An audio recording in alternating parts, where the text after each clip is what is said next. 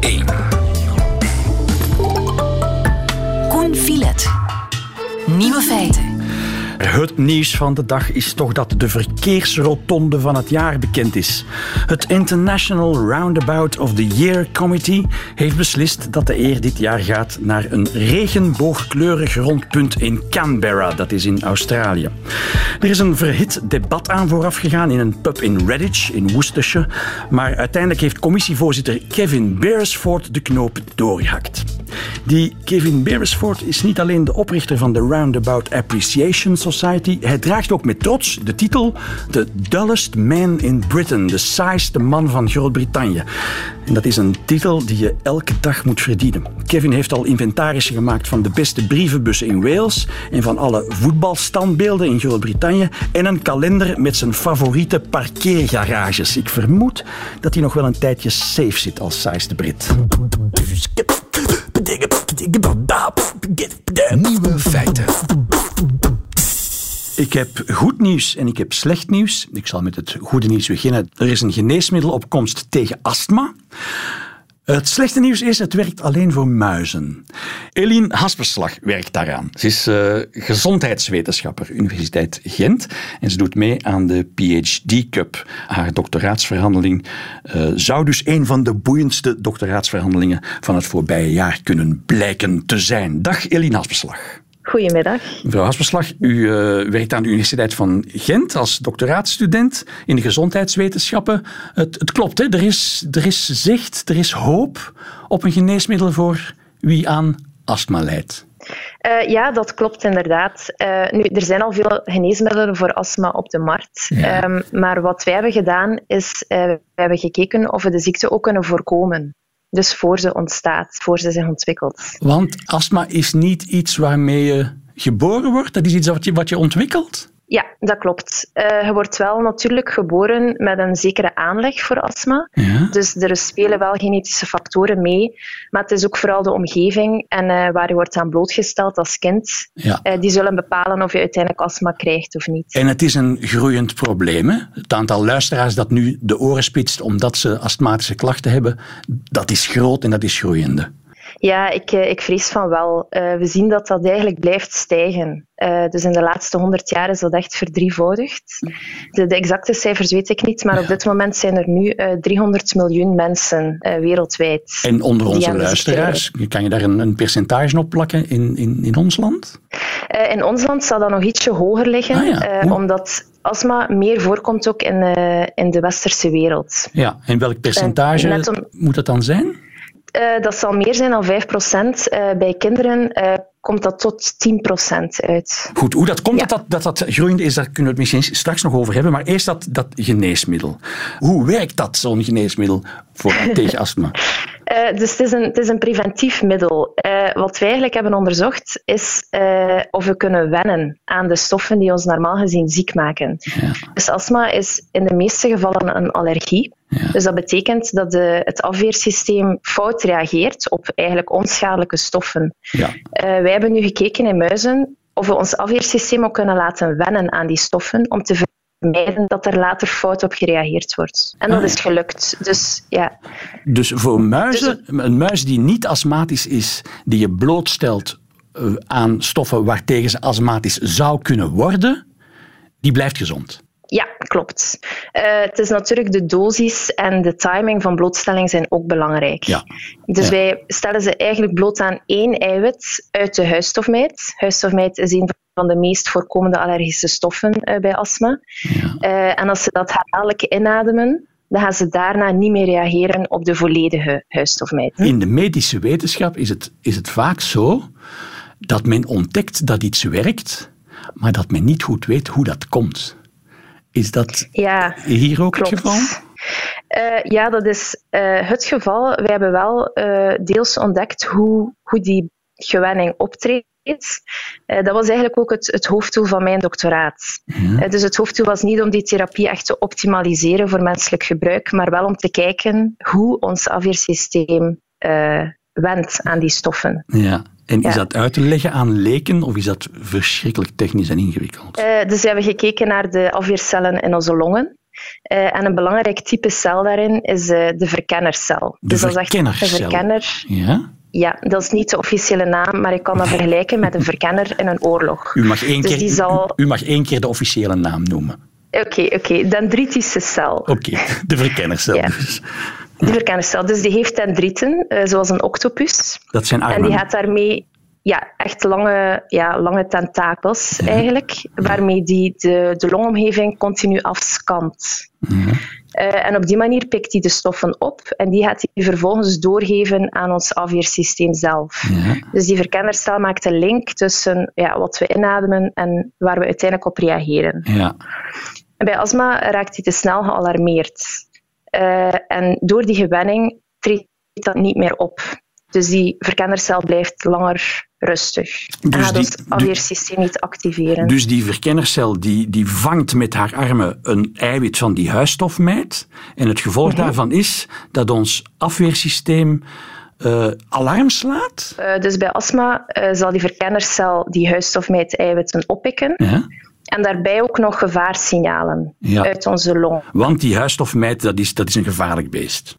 Dat is geen gevaarlijk beest. Dus daar is, dat is eigenlijk waar het fout loopt. Ah, okay. Dat is die verkennercel die de foute beslissing neemt om dat als iets gevaarlijk te zien. Terwijl het helemaal niet gevaarlijk dus is. Dus het afweersysteem schiet in actie terwijl er niks aan de hand is. Ja, dat is inderdaad. Dat is, dat is eigenlijk wat er gebeurt bij alle allergieën. Dan wordt de vraag, eh, hoe komt het dat ons afweersysteem zich vergist? En hoe komt het dat dat alsmaar vaker gebeurt? Want u zei dat straks het aantal astmapatiënten stijgt. Spectaculair. Ja, uh, dat is natuurlijk uh, een, een, vraag waar de wetenschappers zich het hoofd over breken. Uh, er, zijn, er zijn heel veel correlaties met dingen uit onze omgeving.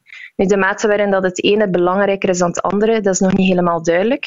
Maar het het wordt wel duidelijk uh, dat het een kwestie is van te weinig blootstelling te hebben als jong kind. Bijvoorbeeld, wij, uh, meer kinderen krijgen geen borstvoeding meer, uh, krijgen geen natuurlijke geboorte meer. Um, ze hebben minder huisdieren. Dus we zien dat die zaken het risico op astma verhogen. We zijn te netjes. En bijvoorbeeld, eigenlijk wel. Het is natuurlijk moeilijk uh, in tijden van COVID uh, om zo'n boodschap te brengen. Ja. Goed, terug naar uh, onze astma. Jullie hebben dus gevonden dat er één eiwitje is van de huisstofmijt. Ehm, dat als je dat vooraf preventief aan risicopatiënten geeft, dat dat dan astma kan vermijden. Ja, in muizen. Dat dus is natuurlijk een beetje jammer dat het in muizen te doen is. Dat is jammer. Ja. Het, is goed, het is goed nieuws voor de muizen onder onze luisteraars. voilà. Uh, nu natuurlijk, uh, proefdieren, muizen, dat is altijd de eerste stap. Ehm, het, het, afweersysteem van muizen en mensen lijkt heel goed op elkaar. Er zijn natuurlijk verschillen, maar heel veel van de, de, behandelingen en de medicijnen die wij als mens krijgen, zijn oorspronkelijk eerst op muizen getest. Dus eigenlijk is het wel goed nieuws dat het alvast in muizen werkt. En dan is de vervelende slotvraag van elke journalist, mevrouw Hasbeslag, hoe lang nog voor het op mensen werkt? Ja, um, dat vragen ze altijd. Hè? Uh, dat is natuurlijk een moeilijke vraag. Dat hangt van heel veel factoren af. Dat is, dat is ook, dat is ook uh, altijd het vervelende antwoord. Ja, ik vrees dat het uh, in dit specifieke geval nog iets langer zal duren. Dus het zal meer dan tien jaar zijn. Uh, de, reden, ja, de reden daarvoor is dat het iets preventief is. -huh. Dus als dat echt getest moet worden, dan, uh, dan moeten we dat testen op kindjes, die behandelen en het wachten om te zien of zij astma zullen krijgen of niet. En dat is natuurlijk een moeilijke studie uh, op vlak van tijd. Okay. Dat is een beetje jammer. Nog tien jaar. Heeft u iets te doen eind september 2030? Dan bellen we u terug. Ik hoop het, dat zou mooi zijn. Eline Haspersel, dankjewel en gefeliciteerd met de grote stappen vooruit. Bedankt hè, dag. Dankjewel, dag. Nieuwe feiten. We gaan naar Spanje. Dag Sven Tuitens. Goeiedag. En als de luisteraars horen we gaan naar Spanje, dan denken ze van oh, het gaat daar weer over corona gaan. Maar nee, Spanje haalt het nieuws vandaag om heel andere reden. Namelijk um, over ja, hoe ze met hun verleden omgaan. Ik heb het moeten googlen hoor, maar uh, Franco, de dictator die uh, Spanje lang heeft geleid, een fascist zou je kunnen zeggen, um, die is gestorven in 1975. Ik wist het niet meer, ik heb het op Wikipedia moeten nakijken. Dat is 45 jaar geleden. Maar tot op vandaag Zijn er in Spanje ja, restanten en straatnamen en pleinen vernoemd naar Franco en zijn generaals, terwijl Franco om het nu heel vriendelijk uit te drukken, toch een beetje omstreden is. Sven, ehm, ze zijn van plan om daar komaf mee te maken, hè, de Spanjaarden? Ja, er is een, eh, een, een, nieuwe wet. Dat is een wet op het uh, democratisch geheugen.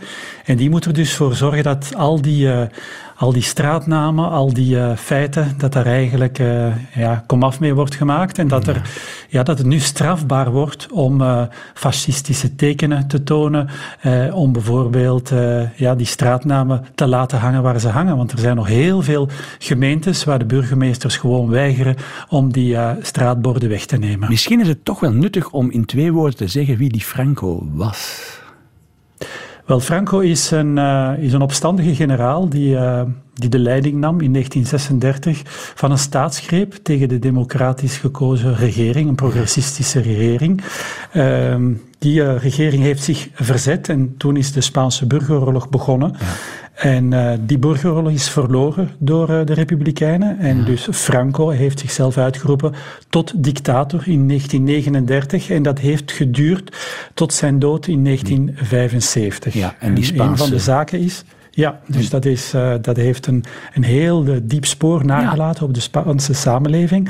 En daardoor hebben we vandaag 80 jaar na het begin van de burgeroorlog nog steeds een regering die een wet moet uitvaardigen om dus in het reinen ja. te komen met, die, uh, met dat verleden. Is het zo dat, dat, je, dat een, een Spanjaard weet, ik behoor tot een familie die destijds aan de kant van Franco stond, of ik behoor tot een familie die aan de kant van de Republikeinen stond?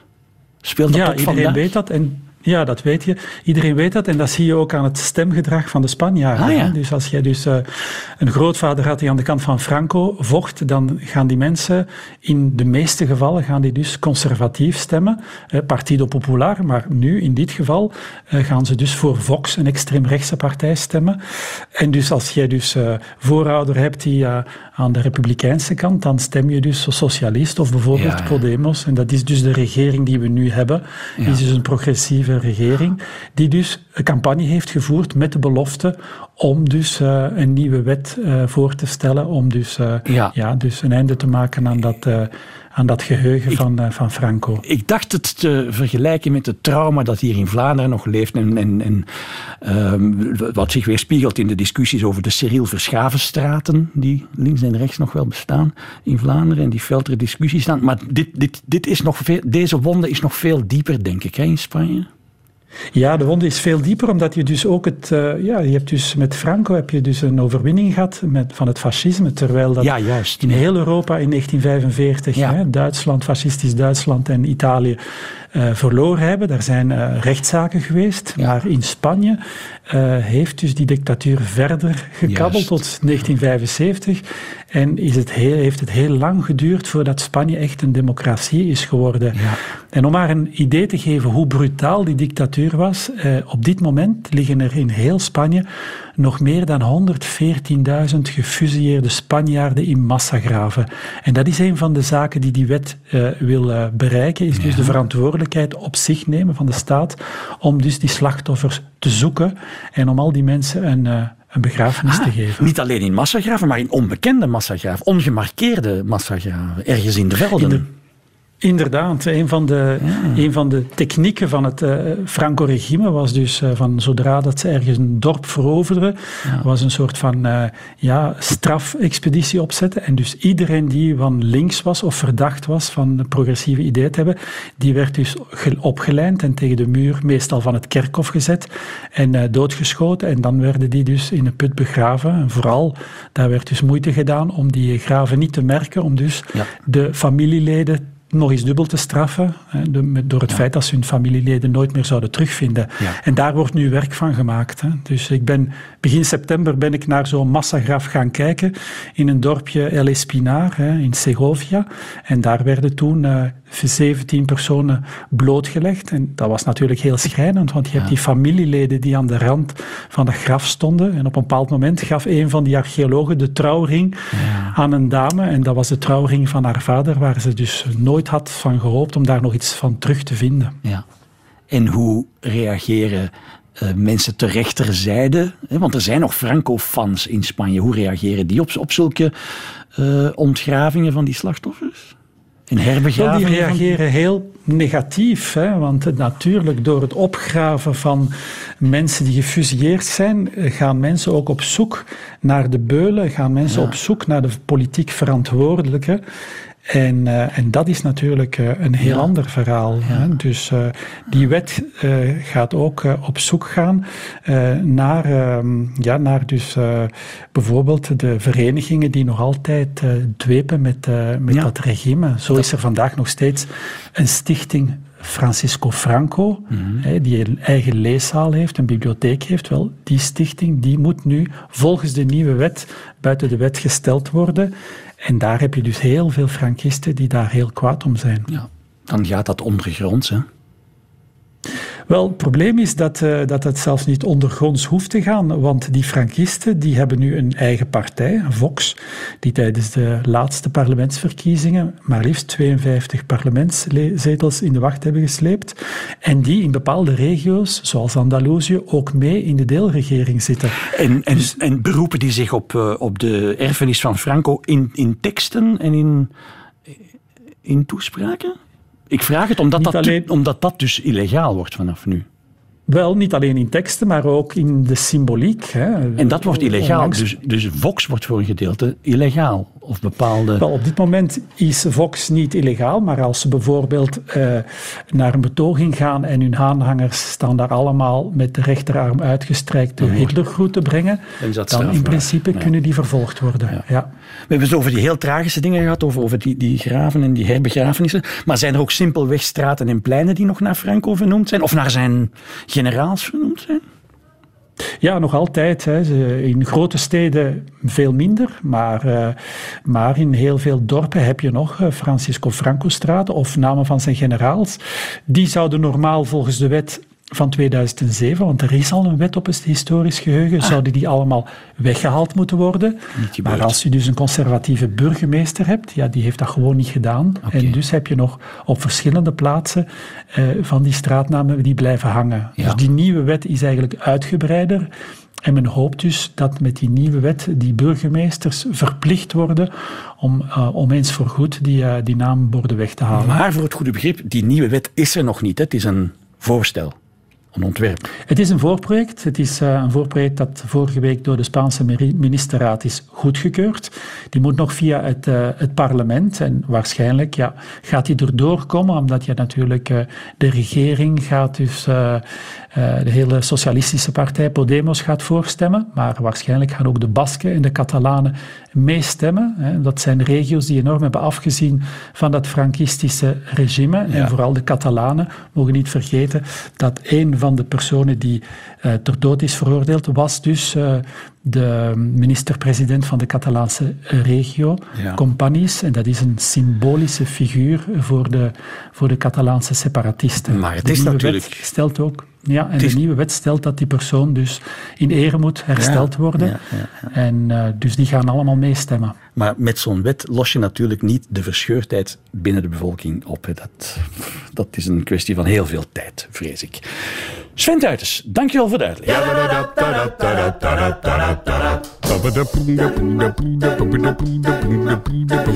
Nieuwe feiten. Straks om half vier begint de astronomische herfst.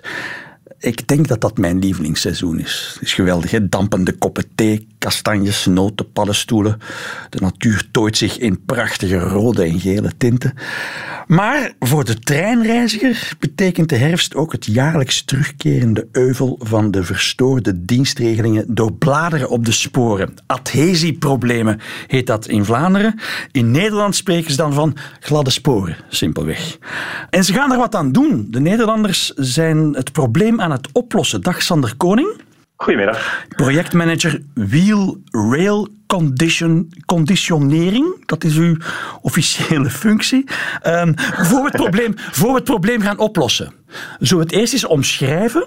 Ja, ik heb natuurlijk nog nooit in de, hoe heet dat, de stuurcabine van een trein gezeten. Het lijkt mij eens er liggen blaren op de sporen, eens er een trein of twee treinen overheen zijn gegaan, zijn die blaren toch weg. Uh, nee, dan, de bladeren hebben de nare eigenschap dat als je er een, vaak genoeg overheen rijdt, dan krijg je een soort bladmoes op het spoor. En dat veroorzaakt eigenlijk die gladheid. in combinatie met ander vuil wat erop kan hechten. Ja. En daar worden de sporen heel glad van. En dat bladmoes is niet verdwenen als daar, dat, dat wordt er niet weggeperst door het enorme gewicht van zo'n trein. Nee, uh, je, je ziet met name uh, dat het in, in herfst, waar je heel veel bladval tegelijk hebt, ja, dan heb je een continu aanvoer eigenlijk ook van blad wat weer kapot gereden wordt. en dan, dan krijg je die bladmoes. Het is natuurlijk wel zo dat als de herfst voorbij is, aantal weken later, als het platval voorbij is, is dat al een stuk minder. Ja. Maar uh, je hebt toch vaak een paar weken waarin, dat, waarin, dat, waarin er veel bladval is. Ja. En dan heb je die problemen gewoon. En dan zijn die sporen glad en dan, dat heeft zijn invloed op de remafstand.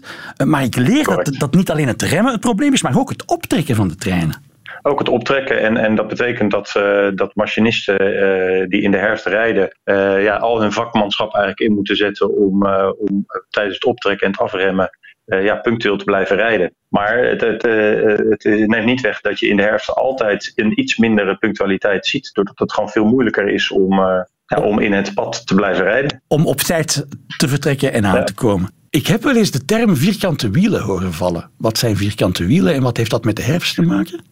Ja, in feite, dat is een, een term voor als, uh, als ze in de herfst uh, uh, slip ervaren, uh, dan kunnen wielen wat meer blokkeren, zeg maar. Ja. En daar zitten ook allerlei systemen omheen die je in auto's ook hebt. Een soort ABS-systeem die dat zoveel mogelijk voorkomt. Maar uh, als je dan lang doorslipt, dan ontstaat er hitte- en loopvlakschade van het wiel. Ja. Ehm, en, en dat plat eigenlijk een beetje af. en, en dat is niet dat het wiel helemaal vierkant is, maar er ontstaan loopvlakschades op ja. um, afgesleten plekken. En daardoor kan die een beetje, als je, als je rijdt, dan, dan kan je dat voelen in een trein als dat heel erg is. Vierkante wielen. Uh, Oké, dat moet dus allemaal vermeden worden. Um, en jullie hebben daar een oplossing voor. Ik denk, ik denk dat onze spoorwegen um, daar ook een oplossing voor hebben. En dat dat simpelweg zand is. Zou dat kunnen kloppen? Ja, ja dat, dat zou kunnen. Dat is eh, een maatregel die in Nederland wordt uh, gebruikt als het eenmaal glad is. Om de gladheid te bestrijden. Dat is uh, een gel met een combinatie van zand en metaaldeeltjes. Die ook vanaf het... Uh, vanaf treinen, vanaf rijdend materieel op het spoor wordt gebracht. Ja, Eigenlijk op, over de bladmoes heen, uh, waardoor die bladmoes, als daar weer wielen overheen rijden, uh, rijden gebroken wordt. Ja. Ehm, en, en dat het spoor toch weer stroef wordt. Dat heeft eigenlijk eenzelfde effect. Je kunt ook zand gooien op het spoor. Ja. Uh, uh, dat, dat heeft ook een, uh, ja, net als buiten, wanneer het voor je deur glad is, daar kan je ook ja. in, de, in de winter gooien zout en, en je zou ook zand, zand kunnen strooien. Wat is daar mis dat mee? nou, wat um, kijk, het, het zand strooien of het, de, het aanbrengen van, van daar is op zich niet zo heel veel mis mee. Maar het is een correctieve maatregel als het al glad is. Dan heb je een gladheidsprobleem en dan ga je dat aanbrengen. En wij zijn eigenlijk op zoek naar een oplossing die dat uiteindelijk overbodig zou kunnen maken. Ja. Uh, gewoon door te voorkomen dat het zo glad wordt. En wat is er nu nieuw? Hoe gaan jullie het aanpakken? Nou, wat er nieuw is, uh, wij hebben eigenlijk uh, nu een middel wat we, uh, vergelijkbaar middel wat we vanuit vaste installaties in krappe bogen ook al op, op wissels en dergelijke aanbrengen. Maar, maar wat, wij nu, wat wij nu doen is dat wij zeggen, joh, dat middel dat zou je eigenlijk veel fijnmaziger aan kunnen brengen als je het vanaf rijdend materieel doet, wat toch al in de dienstregeling zit. Ja. Uh, dan kun je eigenlijk op elke plek in Nederland komen waar je dat wilt. Ja. Uh, je kunt het uh, doseren vanaf de trein. Je kunt het doseren computergestuurd aanpassen. Daarvoor hoef je dan niet meer naar installaties okay. die in de baan staan toe. Ja, ja. en, en dat middel dat heeft eigenlijk drie effecten die we beogen. Dat is één, geluidreductie. De tweede, en dat is nu, nu degene die ook heel veel aandacht krijgt en terecht, denk ik, is, is dat als je die filmlaag aanbrengt op het spoor, dan voorkomt die als het goed is gladheid, waardoor je die in de herfst uh, niet hoeft te bestrijden. Ja. Um, en, en, en staal op staal, uh, dus wielen die over infra rijden, net als machines in de industrie. Als je daar een conditionering op aanbrengt, dan verwachten wij mogelijk ook effecten op de slijtage. Zowel van wielen als van spoor. Ja, voor de, uh, voor de treinreiziger lijkt mij het belangrijkste dat er in de herfst minder vertragingen zullen zijn. Precies. Dat is goed nieuws voor de Nederlandse treinreizigers. Ik hoop dat Infrabel en de NMBS ook geluisterd hebben. Sander Koning, dank u wel. Graag gedaan.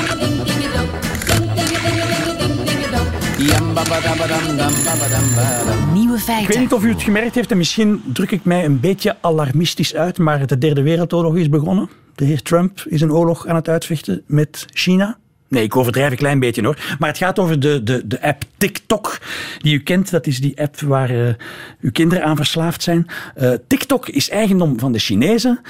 En ja, Donald Trump is daar flink mee aan het uh, armworstelen. Ik wil daarover met Els Belles. Goedemiddag. Goedemiddag, Koen. Journalist bij Data News. En ja, overdrijf ik dat het oorlog is? Op, op digitaal vlak misschien wel een beetje, ja. Is het wel oorlog, denk ik. Ja, armworstelen is een correctere omschrijving. Want die TikTok, Donald Trump heeft er een hekel aan op een of andere manier. Hoe is dat allemaal zo gekomen? Nu, TikTok is eigendom van ByteDance, een Chinees bedrijf. En dat is een enorm populaire app. Ja. Um, vooral bij, bij tieners. Ja.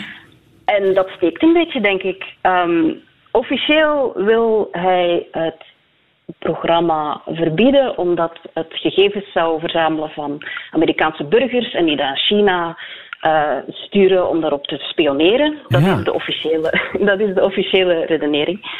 Als er, een, um, als er een officiële redenering is, moet er ook een officieuze redenering zijn. Uh, ik denk dat de officiële redenering, zoals je zei, een beetje is: het is een heel populair uh, Chinees uh, appje. En hij wil daar nu liever een Amerikaans appje van maken. ah, ja. Dat is de deal die ze nu net besproken hebben. Ah ja, dan wordt het een handelsconflict. Zoals veel dingen, ja. Ik denk dat dit inderdaad deels een handelsconflict is. Ja, ja. Hoewel, als het een Amerikaans bedrijf wordt dat TikTok controleert, dan is dat gevaar van die spionage ook verdwenen natuurlijk. Maar hoe, hoe ernstig is die verdenking dat de Chinezen via TikTok uh, spioneren? Uh, dat hangt er een beetje vanaf aan wie het vraagt natuurlijk. Uh, een aantal jaren terug was er inderdaad erg veel te doen om, om alle appjes die je op je computer of op je smartphone zet, uh, verzamelen data. Uiteraard, die hebben jou zeker zo'n filmpjes-app, die heeft jouw camera nodig, die heeft jouw microfoon nodig.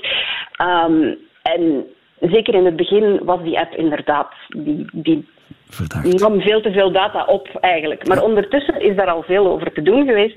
Is dat ook wel al aangepast. De TikTok zelf zegt dat de data van Amerikaanse burgers op Amerikaanse servers staat. Ja. Uh, voor Trump is dat niet genoeg. Uh, het is natuurlijk het is heel moeilijk voor een Chinees bedrijf om, om dat vertrouwen te winnen ja. bij uh, de Amerikaanse regering ja. op dit moment. Heeft u TikTok op uw telefoon staan? Ik heb dat op mijn telefoon ah, gehad en ik heb het weggehaald. Omdat u niet bespioneerd wil worden? Deels en ook omdat ik veel te oud ben. Ja, ja, ja. Okay. ja. Er doet ook dat verhaal de ronde dat de, de vrevel of de ergernis van Trump allemaal is begonnen met die campagne-samenkomst die hij heeft georganiseerd een aantal ja. weken of is het al maanden geleden, waarop TikTokkers een actie tegen hem hebben georganiseerd. Hè? Ja, nu, om dat te steken op TikTok is misschien veel gezegd. Uh, dat uh, was een actie van, van K-pop, van, van fans van Koreaanse ja. uh, popmuziek, die, die zijn, zijn, um, ja, zijn campagne een beetje, een beetje gesaboteerd ja, hebben. Ja. Maar dat heeft meer te maken met het feit dat dat tieners, jonge mensen waren, die zowel via... En die zitten op Twitter en die zitten op TikTok. Ja. En er is heel veel daarvan gebeurd via TikTok, maar ik denk niet dat je dat op het bedrijf zelf kunt ah. Nee. Nu, ik kan me ook wel inbeelden dat dat voor Trump niet zo subtiel is. Uh, dus ik weet Ja. niet of hij zich daardoor heeft laten leiden, maar het kan er misschien wel mee te maken Ja, hebben. ja, dat kan de vonk geweest zijn die eh, het allemaal heeft doen beginnen. Ehm, hoe realistisch is dat nu? Want als hij zijn zin krijgt, dan, dan verbiedt hij TikTok voor Amerikanen. Gaat dat lukken?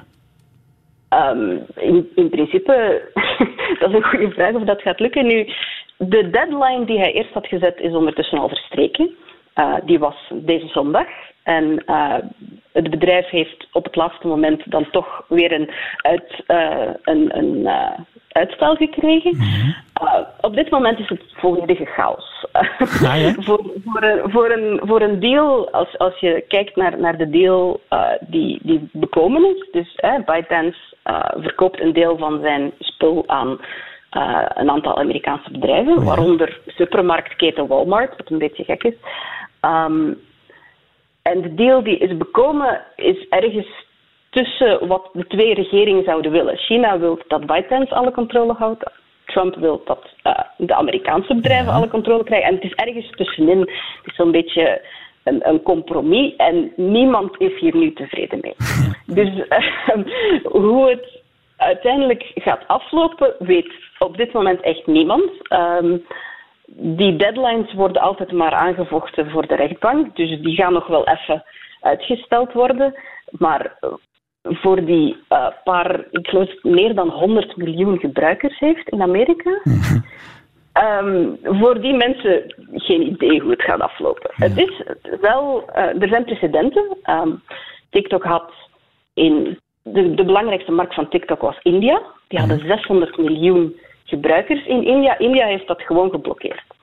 Al die mensen zijn van de ene dag in augustus op de andere hun, um, hun TikTok kwijtgeraakt. Dus in principe kan het. Het is technisch gezien mogelijk. Um, of, of een westers land dat ook gaat doen, is een andere vraag. En zou dat, ja, zou, zou dat een, een, ook een precedentwerking hebben? Zou dat gevolgen kunnen hebben die verder reiken dan TikTok alleen in Amerika? Um, in een absoluut. Uh, en, en het heeft eigenlijk al deels uh, uh, gevolgen gehad. Je hebt nu ook de EU, die ook begint zichzelf um, macht te willen geven om bepaalde uh, technologische bedrijven in stukken te hakken en bijvoorbeeld een, Amerika een Europees deel te hebben. Um, dus, en dit is gek genoeg ook wat China eigenlijk al heel lang wil. Uh, China heeft een aparte versie van TikTok, Douyin heet die, waar China zijn eigen censuur en al zijn controle over heeft de overheid doen. Ja. Um, en die doen dat met heel veel bedrijven. Dus eigenlijk voor China is het allemaal in orde als alle ja, uh, bedrijven, als, als in plaats van het wereldwijde web je een soort nationaal web hebt. Um, dus er is dus wel. Het is heel er is, om te zien hoe dat gaat aflopen. Er, is, er is onderhandelingsmarge. Ja, ja, ja, absoluut. Um, de vraag is natuurlijk, het is op dit moment echt voor TikTok misschien een beetje spijtig dat ze speelbal zijn van dat hele nationale belangenconflict. Uh, Want het zijn allebei landen die graag met de spieren rollen en graag stoer overkomen. Dus als iets kan overkomen als kijk, we hebben gewonnen, dan gaat dat misschien wel lukken. Ja, het zijn allebei hardliners, zowel Xi als, uh, als Trump. Dus TikTok in Amerika, het, ja, chaos, zei u. Het is absoluut niet te voorspellen hoe het afloopt. Uh, maar het zou best kunnen dat die. Hoeveel waren het er, TikTok-gebruikers in de Verenigde Staten? Um, ik denk iets van een 190 miljoen of zo. 190 miljoen 100, Amerikanen van de ene dag op de andere geen TikTok meer zouden hebben. Tot opluchting van hun ouders wellicht. Misschien wel. Els Belles, dankjewel. Dag. Dag. Nieuwe feiten. Middagjournaal. Beste luisteraars. Ik heb dit weekend een recept uit het nieuwe kookboek van Otto Lengi gekookt. De luisterende vrouwen weten meteen genoeg dat was natuurlijk niet een salade met een paar schilfertjes parmezaan en een kaboutertomaatje erbovenop. Als een man gaat koken, dan moet er meteen iets groots en spectaculairs op tafel worden gezet. Het is ongelooflijk kinderachtig, maar het is wel zo. Als mannen koken, moet er minstens een half dier in de oven. Wie op zaterdag in een slagerij staat, wordt omringd door mannen die hun lamschouder, 17 ossenstaarten, een varkenskop en twee hele lammetjes opkomen halen. Mannen vinden koken pas geslaagd als de oven vol zit en als ze de deur met hun voet moeten dichttrappen. In het boek van Otto Lengi kan je lang zoeken naar grote vleesgerechten. Alle gerechten zijn namelijk vegetarisch. Ik stond dus voor een behoorlijke uitdaging. In dat hele boek zou toch wel één recept staan dat een heel klein beetje leek op een grote bonk mannenvlees? Het werden uiteindelijk twee geroosterde selderijknollen, die volgens Otto, als ik hem even zo mag noemen, precies op grote stukken vlees gebraad leken. Je kon de geroosterde knol in plakken snijden, opbakken en dan was het net vlees. Luisteraars, ik heb drie uur lang op een visstoeltje voor me oven gezeten.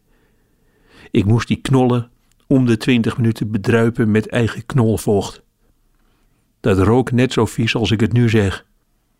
Na vier keer bedruipen haatte ik deze lelijke knollen tot op het bot. En een bot, dat hadden ze nou juist niet. Ik kwam er tijdens het rooster achter dat ik helemaal niet van selderijknol houd. Het is een groente die onder de grond hoort te zitten. En dat het dan met een beetje geluk wordt opgegraven en opgevreten door een dronken truffelvarken. Luisteraars, ik heb twee happen lang net gedaan alsof ik het heerlijk vond. En daarna heb ik Thais besteld. Ik heb proberen af te rekenen met de selderijknol die ik nog over had. Dat is me niet gelukt. Ik kijk nu naar die knol. Lelijkste groente ooit.